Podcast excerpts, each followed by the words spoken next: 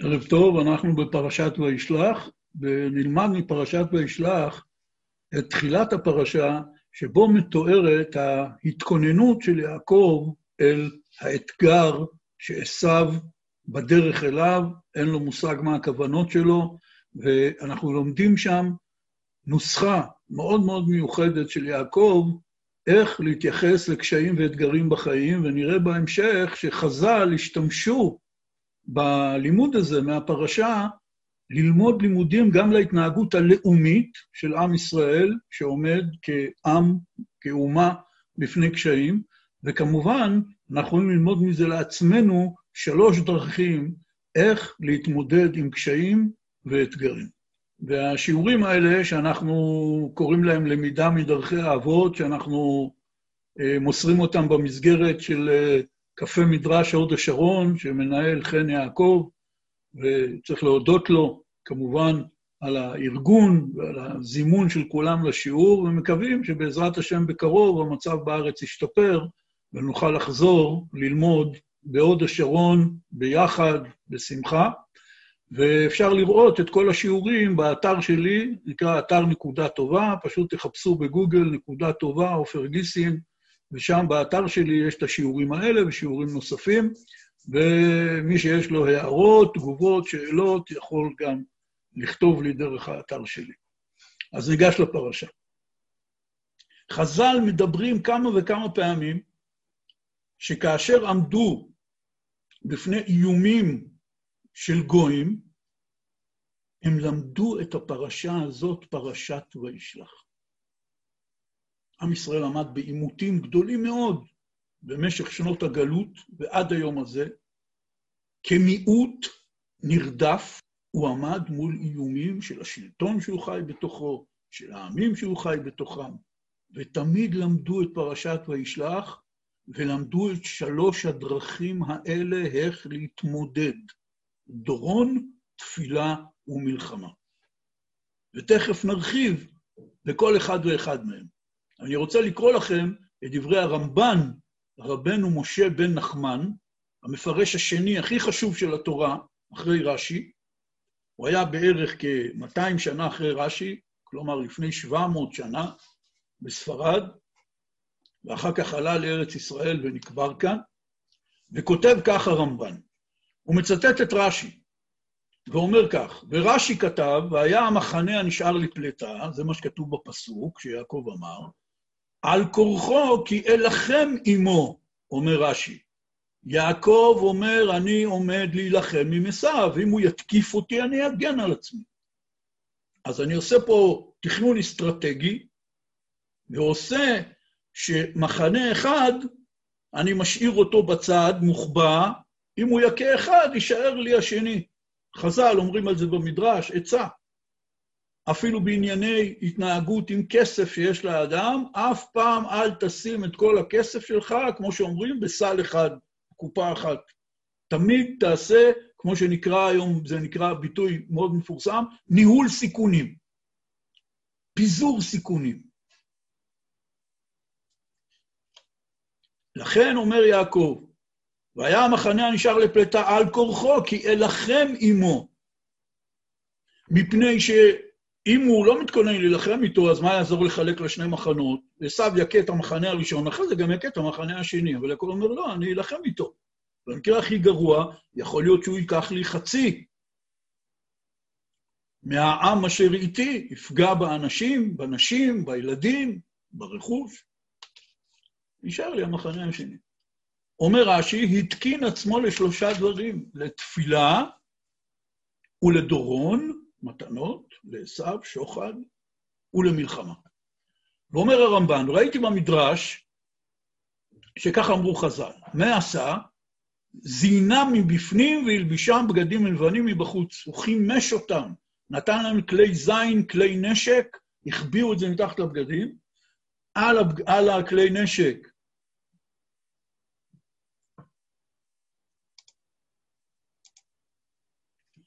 על הכלי נשק לבשו בגדים לבנים, צבע של שלום, כמו שהיום יש מושג של דגל לבן, שמישהו בא עם דגל לבן, הוא כאילו בא בלי שום כוונות התקפיות. והתקין עצמו לשלושה דברים, וכך גומר הרמב"ן לצטט את המדרש. והכוונה, והכוונה בזה, כי יעקב יודע שאין זרעו כולו נופל ביד עשיו. אם כן, ינצל המחנה האחד על כל פנים.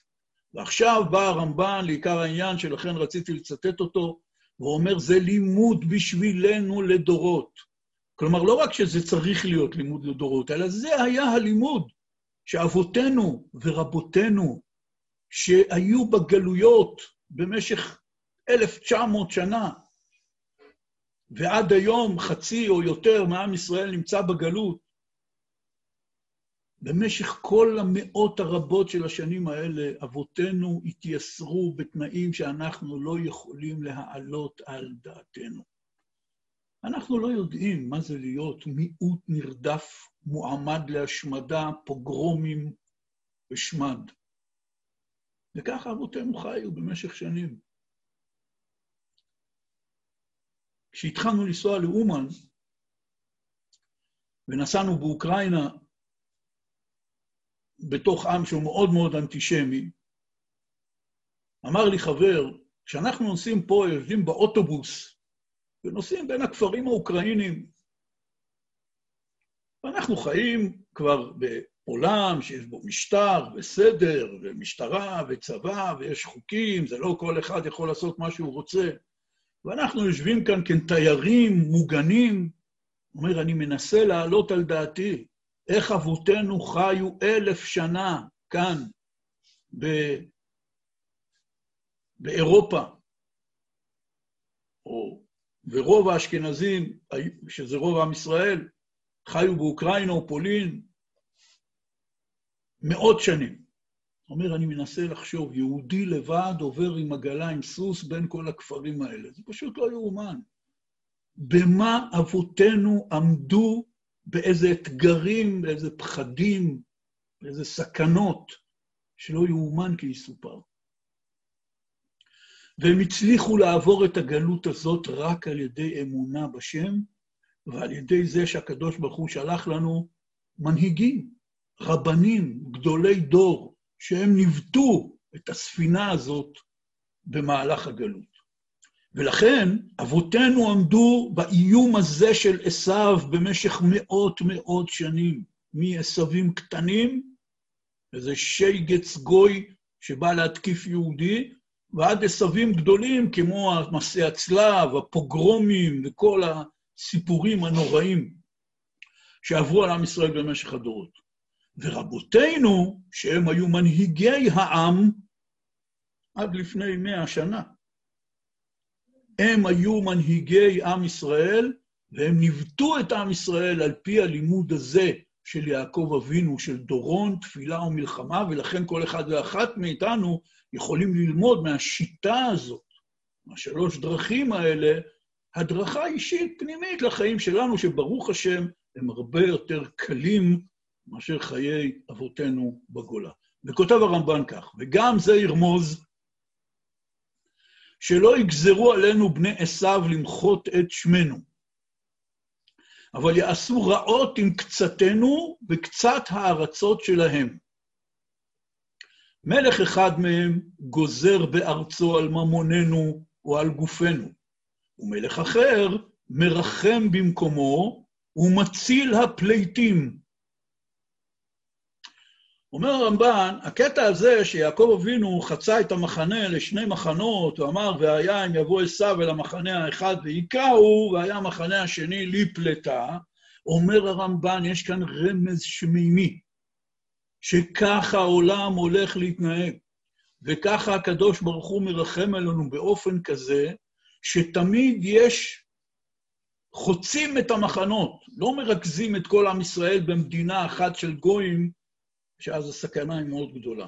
אלא עם ישראל יתפזר בכל האומות, ואז הקדוש ברוך הוא עושה ברחמיו כך, שאם במקום אחד יש מלך גוי שגוזר גזרות על עם ישראל, עושה איתם רעות, כלשון הרמב"ן, אז יש מלך אחר שאצלו, באיזושהי תקופה לפחות, אפשר להמשיך לחיות נורמלי. בואו ניקח את הגזרה הכי איומה שהייתה על עם ישראל, בכל האלפיים שנה האחרונות, מאז החורבן, והיא השואה, שהייתה ממש לא מזמן. אצל רבים מאיתנו זה הפך להיות איזה סיפורים, סרטים או ספרים. חיים בינינו אנשים שהיו אז. כנראה כל אחד מאיתנו מכיר באיזושהי צורה, או ממשפחתו, או לא ממשפחתו, ניצול שואה. הגזירה הכי איומה שהייתה אי פעם. אבל מי שמכיר את תולדות ימי השואה יודע שהנס הגדול של עם ישראל היה, אחר כך, בזמן ההצלה, בזמן השיקום, שאומנם רוב עם ישראל היה באירופה ונתון תחת השלטון הרצחני של הנאצים יימח שמם, אבל חלק גדול מאוד מעם ישראל היה כבר באמריקה. ואמריקה הייתה מלכות של חסד. וזה בדיוק מה שאומר הרמב"ן. אם יש מלך אחד שעושה לנו רעות, מלך אחר מרחם. וככה זה כל פעם משתנה. ומי שיעשה סקירה קצרה על תולדות עם ישראל יודע שכך זה היה. היהודים חיו בארץ אחת, ואז המלך בא לו איזה שיגעון מכל מיני סיבות, שנאת ישראל, הסתה של כמרים, לא משנה מה, ועשה גירוש. אבותינו כולנו גורשו. אם ניקח את האשכנזים לדוגמה, למה קוראים להם אשכנזים? על שם מדינת אשכנז. אשכנז זה גרמניה. גם רוב שמות המשפחה של האשכנזים הם בגרמנית, והם לפעמים מציינים אפילו שמות של ערים בגרמניה, והם עברו למזרח אירופה. כל האשכנזים, כמעט, גירשו אותם מאנגליה, גירשו אותם מצרפת, גירשו אותם מגרמניה. מכל מערב אירופה היו גירושים נוראים שלקחו וגירשו את כל היהודים. היהודים נדדו מזרחה למזרח אירופה, ושם קיבלו אותם בהתחלה בזרועות פתוחות, כי היהודים היו סוחרים מוכשרים, אנשי כלכלה מוכשרים, וככה עם ישראל ניצל. וכך זה היה בכל מקום ומקום. וגם בארצות המזרח היו גירושים. בתימן ידוע מאוד שהיו כמה גירושים גדולים, שעמד איזה אימאם או איזה מלך או איזה שייח' וגירש את כל היהודים מהעיר שלו. והם הלכו ונדדו. אבל אז הם מצאו עיר אחרת, ששם השליט קיבל אותם והרשה להם לגור שם. זה בדיוק מה שהרמב"ן אומר. הוא אומר, זה ירמוז לדורות שככה העולם מתנהג. הקטע הזה של ההתנהלות מול הגויים, שברוב ככל הארצות וברוב ככל השנים הם היו אויבים, שאבותינו היו צריכים להסתדר איתם כי לא היה להם לאן ללכת. ולכן העבודה הזאת של החלוקה היא דבר שנשאר לנצח ולדורות. ומסיים הרמב"ן ואומר, וכך אמרו במדרש בראשית רבה, אם יבוא עשיו אל המחנה האחד והיכהו, שזה מה שיעקב אומר בפסוק, אלו אחינו שבדרום. והיה המחנה הנשאר לפלטה, המשך הפסוק, אומרים חז"ל, אלו אחינו שבגולה. כלומר, זה רעיון של חז"ל. חז"ל אומרים, מה שיעקב אומר, אם הוא יכה את המחנה האחת, אז יישאר המחנה השני, זה רומז לדורות. יש אחינו שבדרום, יש אחינו שבגולה, אם אלה יש עליהם גזרות, יש אפשרות ללכת למקום אחר, ושם לא תהיה גזרה איזו תקופה, ואז תהיה שם תקופה, אז נמצא מקום אחר. כי הרי זה עם ישראל, עם ישראל זה כמו ספינה ששטה בסערות, בגלים נוראים ועצומים, ומחפשת כל הזמן איפה היא יכולה לשייט. עד היום הזה, עד הגאולה השלמה, עד שיבוא משיח צדקנו, ויבנה בית המקדש ויקבץ נדחי ישראל, ובעזרת השם תקום ממלכת ישראל, שבראשה משיח השם, מלך ישראל האמיתי. עד אז, עד הגאולה השלמה, עם ישראל מתנהל ככה כבר מאות מאות רבות של שנים, כמעט אלפיים שנה. לכן אומר לנו הרמב"ן, תקשיבו, אחד מגדולי הצדיקים בעם ישראל שהיו בכל הדורות, אחד מגדולי חכמי ישראל בכל הדורות, לפני 700 שנה, כותב לנו, ראו כי גם לדורות תרמוז זאת הפרשה. הוא מדבר אלינו, ראו, כי גם לדורות תרמוז זאת הפרשה. ודיברתי בפעם שעברה, דומני, שהרמב"ן כותב בסוף פרשת ויירא. למה התורה כתבה לנו את כל סיפורי האבות? יש דברים ממש טריוויאליים, דברים שהם לא אמורים בכלל לעניין. כי הרי לא כתוב פה באמת את כל תולדות חיי האבות, זה בסך הכל על כל אחד מהאבות כתוב כמות קטנה מאוד של פסוקים. זה לא שכותבים פה איזה ספר עבה, אלף עמוד, כל תולדות חיי אברהם אבינו, תולדות חיי יצחק אבינו, תולדות חיי יעקב אבינו. התורה מספרת לנו, כמו שקוראים לזה היום, אנקדוטות. היא מספרת לנו פה ושם כל מיני עניינים שהיו עם האבות. אומר הרמב"ן, חלק מהדברים, לא ברור מה התועלת בלכתוב אותם לנצח נצחים בתורה הקדושה. הוא נותן כמה דוגמאות, כמו חפירת הבארות של יצחק וכולי. אומר הרמב"ן, מפני שכל מה שכתוב על האבות הקדושים בספר בראשית, זה הכל לימוד לדורות. ואנחנו צריכים לעיין וללמוד, לעיין בספרי מדרשי חז"ל כמובן, ואחרי כן במפרשים, ואחרי כן, הכי חשוב, לחשוב בעצמנו. מה אני יכול ללמוד מכאן? ותמיד אפשר למצוא בים העצום הזה של התורה שבכתב, התורה שבעל פה, שנאמרה במשך אה, אלפי שנים, התורה ניתנה לפני שלושת אלפים, שלוש מאות שנה ויותר. ברוך השם, נצבר בעם ישראל הרבה חומר, שכל אחד מאיתנו, אם הוא רק יחפש, הוא ימצא עניינים גם כלליים וגם הדרכות פרטיות לעצמו. לכן אומר הרמב"ן, ראו כי גם לדורות תרמוז זאת הפרשה. ושוב, ההסבר הוא מאוד פשוט. בשביל מה התורה מספרת לי את כל מה שקרה שם? השליחים אומרים ליעקב, עשיו מתקרב, יעקב פוחד להיהרג וצר לו שמא יצטרך להרוג, לכן הוא עושה אסטרטגיה שהיא תלת שלבית. דורון שולח לו שוחד, אולי הוא יירגע. מכין את עצמו למלחמה ומתפלל השם יתברך. אבל הרי בסוף היה happy end, כולנו יודעים. בהמשך הפסוקים, עשו מגיע ליעקב ומחבק אותו, והכול בסדר, ואין שום התקפות ואין שום מלחמות. צריך להבין, יכול להיות שזה דרך הבנה, שהשוחד ריכך אותו.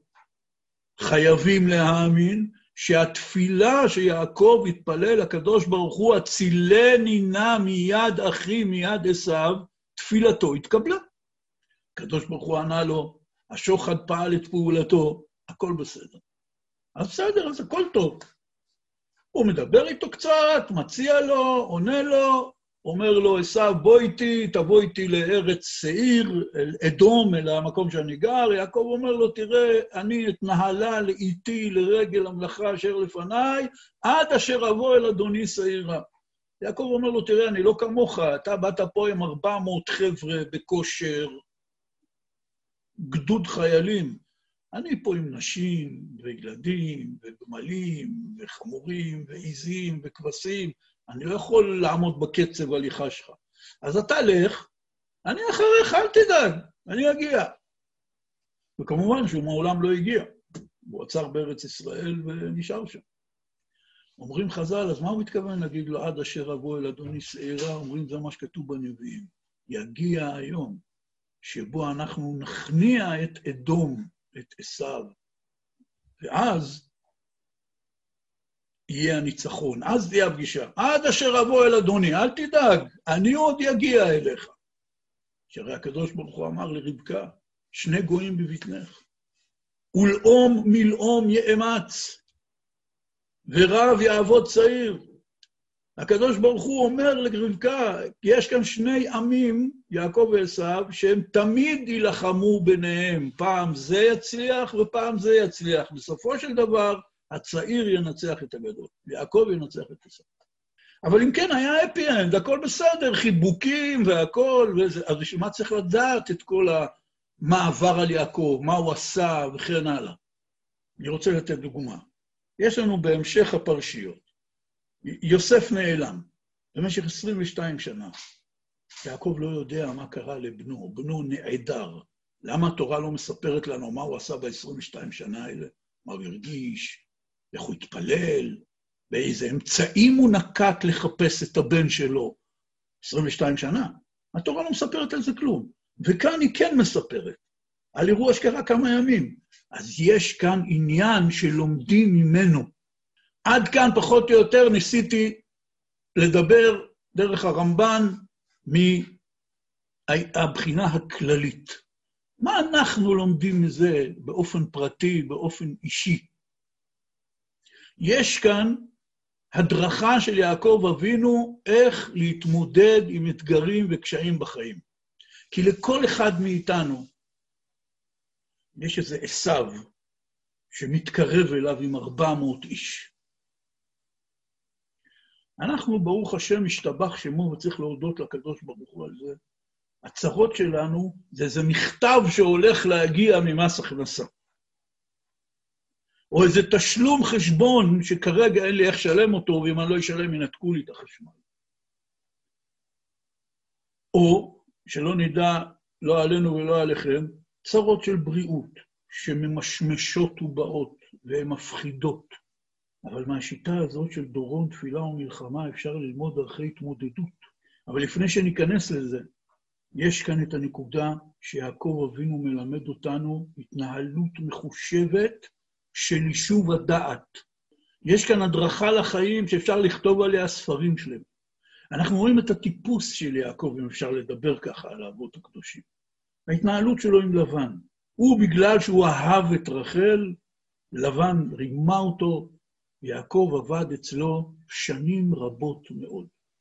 אבל, כמו שאנחנו מכירים מהפרשה הקודמת, הוא עושה פטנט וקובע עם לבן איך הם מתחלקים, ואומר לו, כל הכבשים עם הכתמים יהיו שלי, וכל השאר יהיו שלך.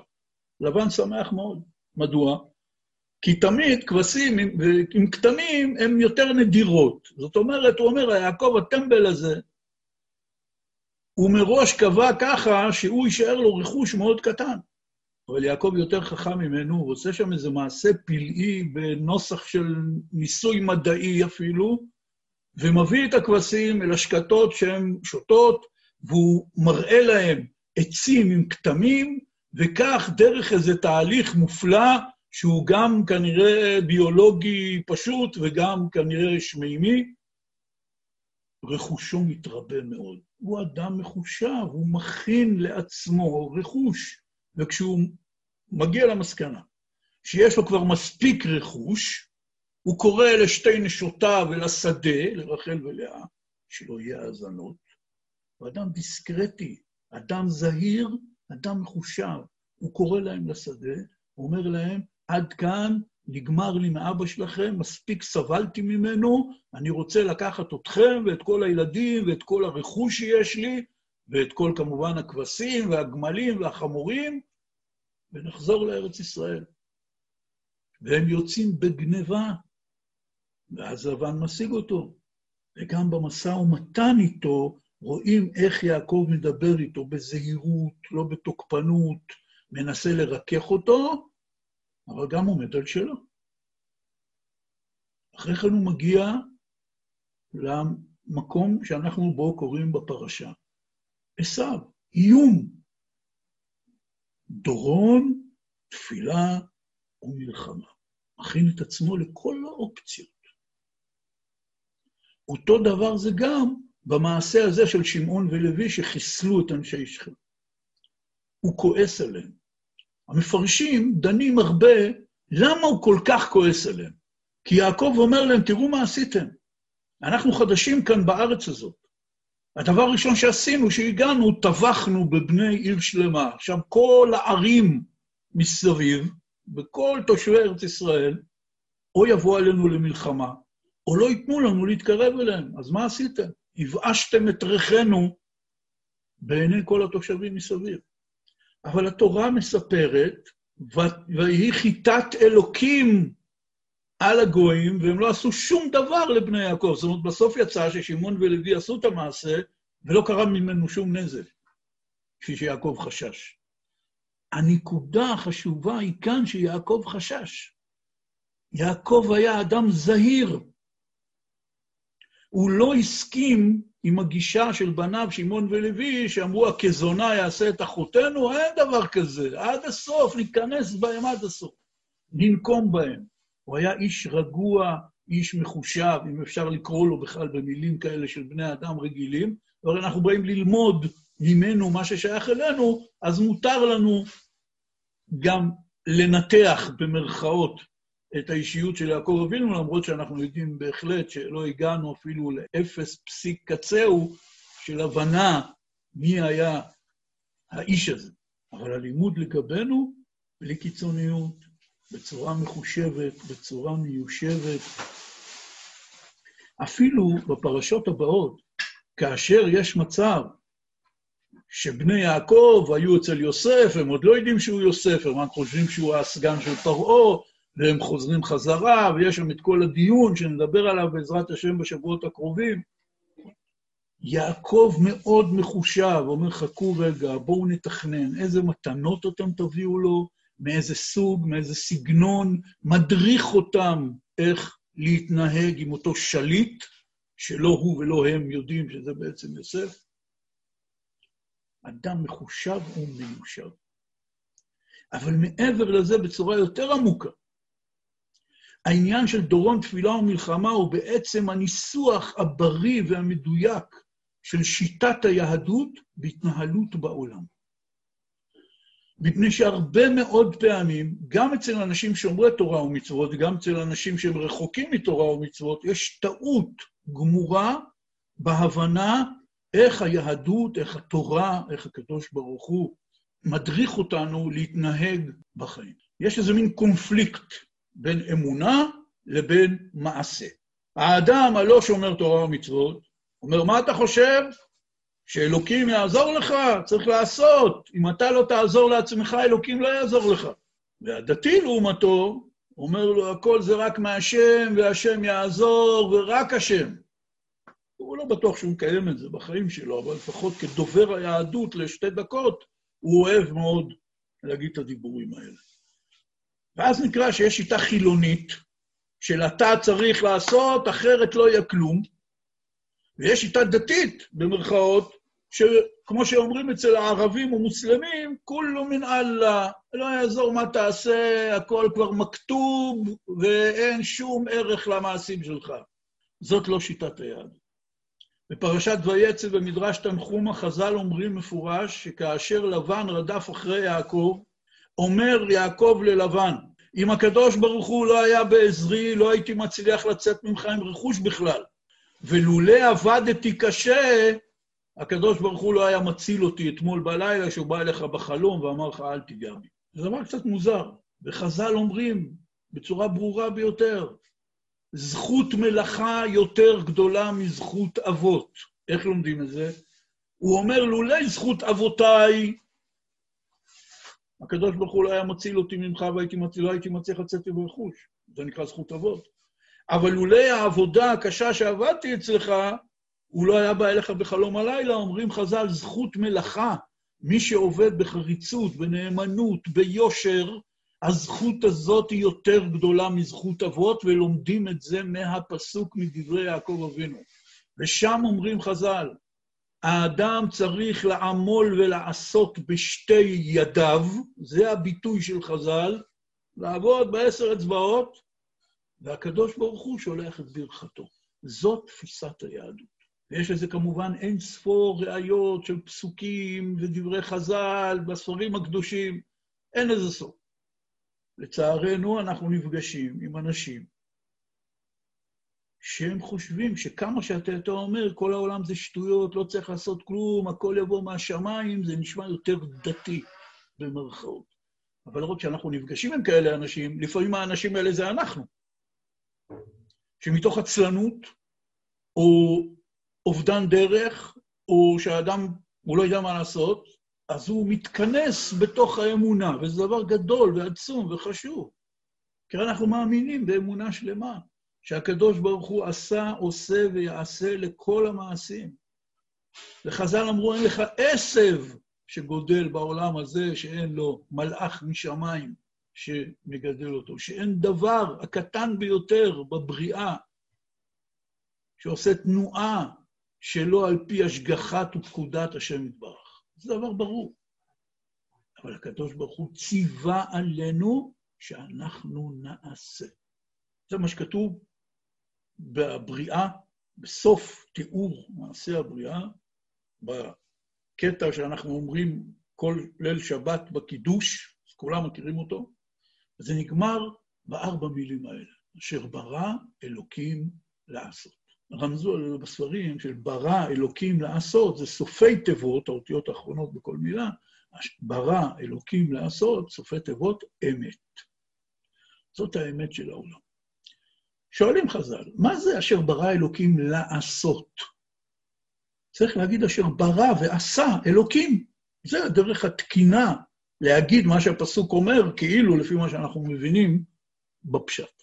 מספרים חז"ל במדרש שפעם בא איזה גוי אחד לרבי עקיבא ואמר לו, האם כל מה שהקדוש ברוך הוא עשה בעולם הוא מושלם? אמר לו, בוודאי. אמר לו, אז למה אתם עושים ברית מילה? הקדוש ברוך הוא ברא את האדם עם עורלה, למה אתם מורידים אותה? אתם הולכים נגד הטבע, אתם הולכים נגד הדרך שבה הקדוש ברוך הוא ברא את האדם. כמובן שהתשובה האמיתית היא מאוד פשוטה, הקדוש ברוך הוא ציווה עלינו לעשות ברית מילה. זה חלק ממעשה הבריאה, גם הציווי שלו לאברהם אבינו, שהוא מצווה על כל עם ישראל לדורי דורות, לנצח נצחים, לעשות ברית מילה. ולא סתם מצווה לדורי דורות, אלא חז"ל אומרים, מצווה שעם ישראל מסר עליה את הנפש, התקיימה בידו. מצווה שהוא לא מסר את עליה הנפש, לא התקיימה בידו. אמרו חז"ל במדרש, תקשיבו אותו, לפני 1,500 שנה, תפילין זאת מצווה שעם ישראל לא מסר עליה את הנפש, ולכן היא לא התקיימה בידו. כלומר, דורות שלמים, תקופות שלמות, היו עדות שלמות בעם ישראל שהיו חלשות מאוד בעניין של הנחת תפילין, למרות שזו המצווה הכי קלה בתורה.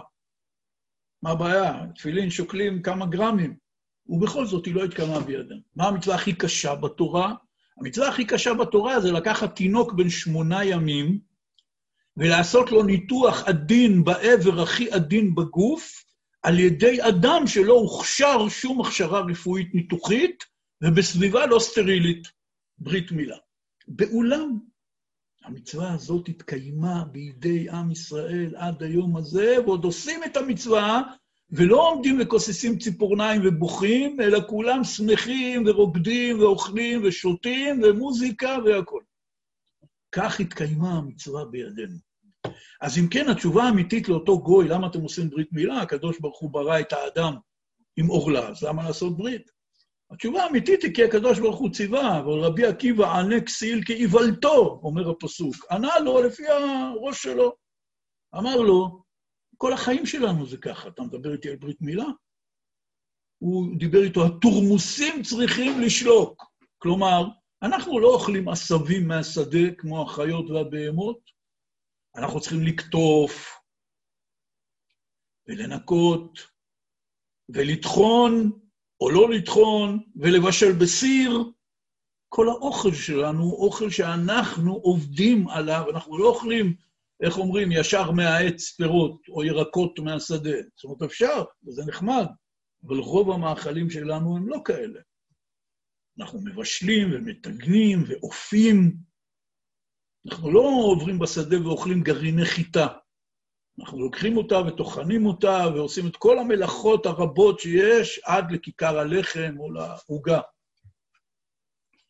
אבל זה לא רק זה, השערות שלנו, אנחנו חייבים לספר אותם. אדם שלא יסתפר במשך שנים, הוא לא יכול לתפקד מרוב השערות שיגדלו לו.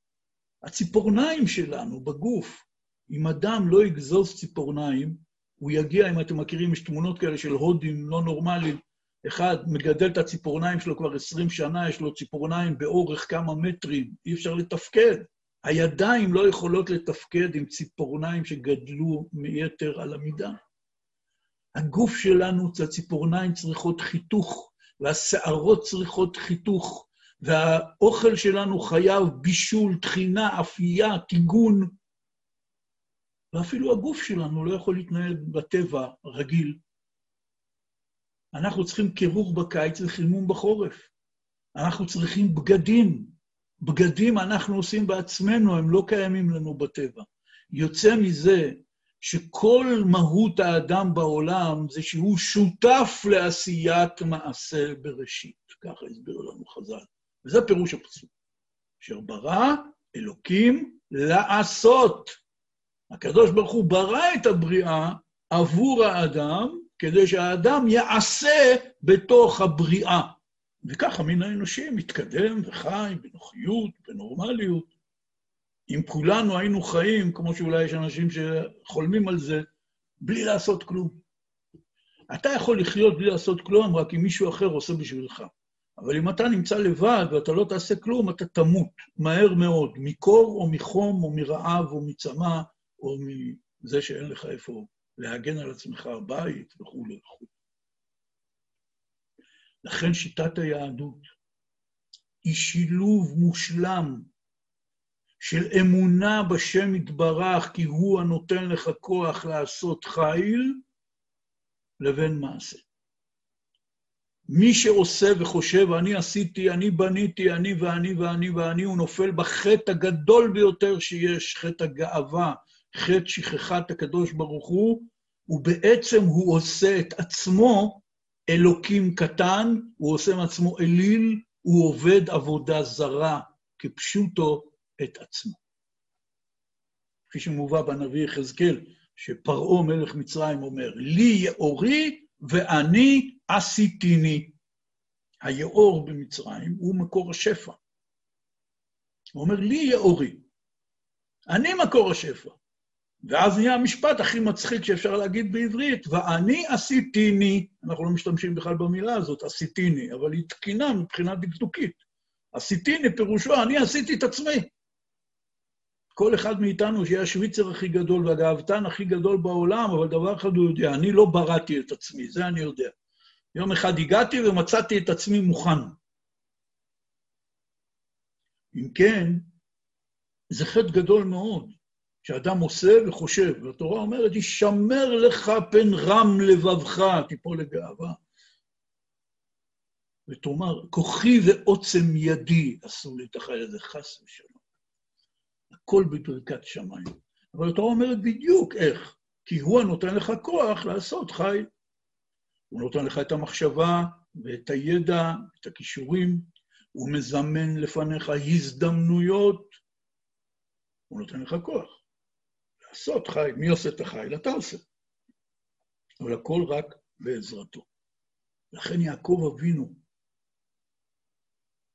שעל פי תורת הקבלה, הוא גילה את מידת האמת בעולם. כמו שהנביא אומר, יש פסוק מפורש, תיתן אמת ליעקב. הוא משלב לנו בצורה המושלמת ביותר איך צריך להתנהל בעולם. דורון, תפילה ומלחמה. זה הכל ביחד. זה לא או זה או זה או זה. זו התנהלות מחושבת שלוקחת בחשבון סיכונים ומנסה להקדים תרופה למכה בכל מיני שיטות ודרכים. וכך כאשר כל אחד ואחד מאיתנו עומד בפני אתגרים, קשיים, איומים, דורון, תכיר את היריב, תכיר את מה שעומד מולך ותנסה, איך אומרים, להגיע איתו במשא ומתן לעמק השווה. מלחמה, תכין את עצמך לעשייה אקטיבית נגד הצרה. כלומר, דורון זה ניסיון לרכך את המכה שהיא לא תבוא. מלחמה זה לתת מכה חזרה. ותפילה. בואו נראה את התפילה שאומר יעקב, אחרי שהוא חוצה את המחנות, אחרי שהוא שלח לעשו את המנחה, הוא אומר, ויאמר יעקב, אלוהי אבי אברהם ואלוהי אבי יצחק, אדוני האומר אלי שוב לארצך ולמדתך, ואיטיבה עמך. קטונתי מכל החסדים ומכל האמת אשר עשית את עבדיך, כי במקלי עברתי את הירדן הזה, ועתה הייתי לשני מחנות. הצילני נא מיד אחי מיד עשיו, כי ירא אנוכי אותו, פן יבוא והיכני אם הלבנים. ואתה אמרת, היטיב, היטיב עמך. ושמתי את זרעך ככל הים, אשר לא יספר מרוב. קודם כל הוא מתחיל ואומר, ויאמר יעקב אלוהי אבי אברהם ואלוהי אבי יצחק, השם האומר אלי שוב לארצך ולמדתך והייתי בעמך. הרבה מחכמי ישראל כותבים שמכאן למדו אנשי כנסת הגדולה ותיקנו לנו בתחילת תפילת שמונה עשרה, בברכה הראשונה בתפילת שמונה עשרה, שאנחנו אומרים אותה שלוש פעמים ביום, להזכיר את אברהם, יצחק ויעקב. אבל חותמים מגן אברהם. ועד כדי כך שבהלכה מובא שאומנם צריך להתפלל את כל התפילה בכוונה, כלומר לכוון את פירוש המילים שאני מוציא מפי, וכל מי שאי פעם מתפלל, או מי שמתפלל קבוע, יודע עד כמה זה קשה לכוון במילים. בברכה הראשונה חייבים לכוון. זאת חובה הלכתית. ערכת מגן אברהם. מפני שהעיקר העניין פה זה העניין של האבות, ולמדנו את זה מיעקב אבינו. הוא מתחיל את התפילה, תחשבו, זו התפילה הכי דרמטית בחיים שלו. הוא הגיע עם נשיו, עם ילדיו, עם רכושו, עשיו, שתכנן להרוג אותו לפני שהוא יצא לפני עשרות שנים מבאר שבע. עשיו אומר, יקרבו ימי אבל אבי, והרגה את יעקב אחי. הוא רוצח, ויש לו איתי חשבון. לא פשוט בכלל. זאת התפילה הכי דרמטית בחיים של יעקב. אחרי שהוא שלח דורון, שלח לו שוחד, ואחרי שהוא חצה את המחנה והכין את עצמו למלחמה, הוא עומד בתפילה. בתחילת התפילה הוא מזכיר את אלוהי אבי אברהם ואלוהי אבי יצחק. זאת נקודה ראשונה, נקודה גדולה מאוד, זכות אבות. ואני רוצה לקרוא לכם מה שאמרו על זה חז"ל במדרש. אומרים חז"ל, ויאמר יעקב אלוהי אבי אברהם ואלוהי אבי יצחק. הא לעשו לא. מה זאת אומרת? מה הוא רוצה להגיד פה? אברהם ויצחק הם גם האבות של עשו, בדיוק כמו של יעקב. אז כאשר יעקב עומד לפני הקדוש ברוך הוא ורוצה להתפלל לפניו שיציל אותו מעשו, הרשע, אז הדבר הראשון שהוא אומר, אני הבן של אברהם, אני הבן של יצחק, יש לי זכות אבות, תציל אותי, אבל לעשו יש בדיוק את אותה זכות. זאת שאלה טובה. אומרים חז"ל, אלא הבוחר בדרכיהם והעושה כמעשיהם, אני מתקיים עליו. מי שאינו בוחר בדרכיהם ואינו עושה כמעשיהם, איני מתקיים עליו. זה כאילו הקדוש ברוך הוא אומר. הייחוס המשפחתי, הביולוגי פה, לא משחק תפקיד. גם עשיו הוא נכד אברהם ובן יצחק. אלא הקדוש ברוך הוא אומר, הבוחר בדרכיהם והעושה כמעשיהם, אני מתקיים עליו. כלומר, שמי ייקרא עליו. הזכות שלהם תגן עליו. וזה לימוד גדול גם לנו. כי זה בעצם כל העניין שאנחנו צריכים כל רגע, כל יום, כל התהליך שלנו כיהודים. לבחור בדרכיהם ולעשות כמעשיהם. וממילא אנחנו צריכים ללמוד היטב על האבות, כדי שנדע את דרכיהם ונדע את מעשיהם. יש פה שני דברים, לבחור בדרכיהם, קודם כל להחליט החלטה חזקה בלב, שכל הלימודים שאנחנו למדנו, עם ישראל, ואני באופן פרטי, מה שלמדתי מדרכי האבות, מה שאני קורא ולומד, אני בוחר בדרכיהם, קודם כל בוחר. אני מחליט להיות בן האבות, הולך בדרכיהם, עושה כמעשיהם. ודבר שני, אני צריך גם לעשות את זה בפועל. לעשות כמעשה האבות. אז אם כן, זה שעשו הוא הנכד של אברהם והוא הבן של יצחק, זה לא משחק תפקיד. בגלל שעיקר העניין פה זה להיות בוחר בדרכיהם ועושה כמעשיהם, זה מה שאומרים חז"ל כאן במדרש. אם כן, אחרי שהוא הזכיר זכות אבות, אומר יעקב, קטונתי מכל החסדים ומכל האמת אשר עשית את עבדיך. למה? כי במקלי עברתי את הירדן הזה. אני הגעתי לחרן חסר כל. מה שהיה לי, היה לי את המקל שלי. ועכשיו, תראה איך אני חוזר אחרי עשרות שנים, נשים, ילדים, רכוש, הכל, מכל טוב. לכן קטונתי מכל החסדים. מה פירוש קטונתי מכל החסדים? הפסוק הזה הוא כמובן מאוד מאוד ידוע בזכות השיר של יונתן רזאל המפורסם. קטונתי מכל החסדים, יש בזה שני פירושים. פירוש אחד, קטונתי מכל החסדים, אומר רש"י, נתמעטו זכויותיי על ידי החסדים והאמת שעשית עמי, לכן אני ירא, שמא משהבטחתני נתלכלכתי בחטא, ויגרום לי להימסר ביד עשיו. זה הפירוש של רש"י. קטונתי מכל החסדים, נהייתי יותר ויותר קטן, התמעטו זכויותיי, כי עשית איתי כאלה חסדים עצומים. וכל חסד שאתה עושה, הוא ממעט מזכויותיי. כשאתה עושה לי ניסים, זה ממעט לי את הזכויות. זה פירוש אחד. הרמב"ן, ומפרשים אחרים, אומרים לו, הפשט כאן הוא לא כזה, אלא הפשט קטונתי מכל החסדים, אני לא ראוי לחסדים שלך. אתה עושה איתי כאלה ניסים, אתה עושה איתי כאלה נפלאות, שאני לא ראוי לזה. ואני מודה לך על זה. אני מבקש ממך, אנא, הצילני נא מיד אחי מיד עשיו, כי ירא אנוכי אותו, פן יבוא והיכני אם על בנים. למה? באיזה זכות? כי אתה הבטחת לי, ואתה אמרת היטב היטיב עמך, ושמתי את זרעך ככל הים, שלא יספר מרוב. אם כן, אומר יעקב לקדוש ברוך הוא, קודם כל, בזכות שבחרתי בדרכי אבותיי, ואני עושה כמעשיהם, אנא תשמע את התפילה. והתפילה היא כזאת, קודם כל אני מודה לך על החסדים והאמת שעשית איתי. ודבר שני, אני מבקש ממך שתציל אותי מעשיו, כי אתה הבטחת לי שתיטיב איתי, ונכון לי עוד עתיד גדול מאוד, אבל אם עכשיו הוא יגיע עם 400 איש שלו, וחס ושלום יחסל אותנו, אז כל ההבטחות שלך לא יתקיימו.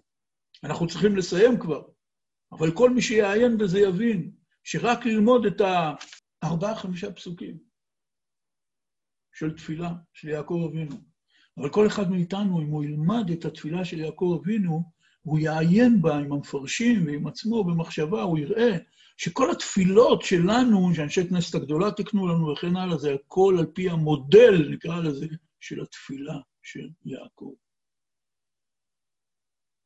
הדורון זה לנסות לרכך את המכה לפני שהיא תבוא.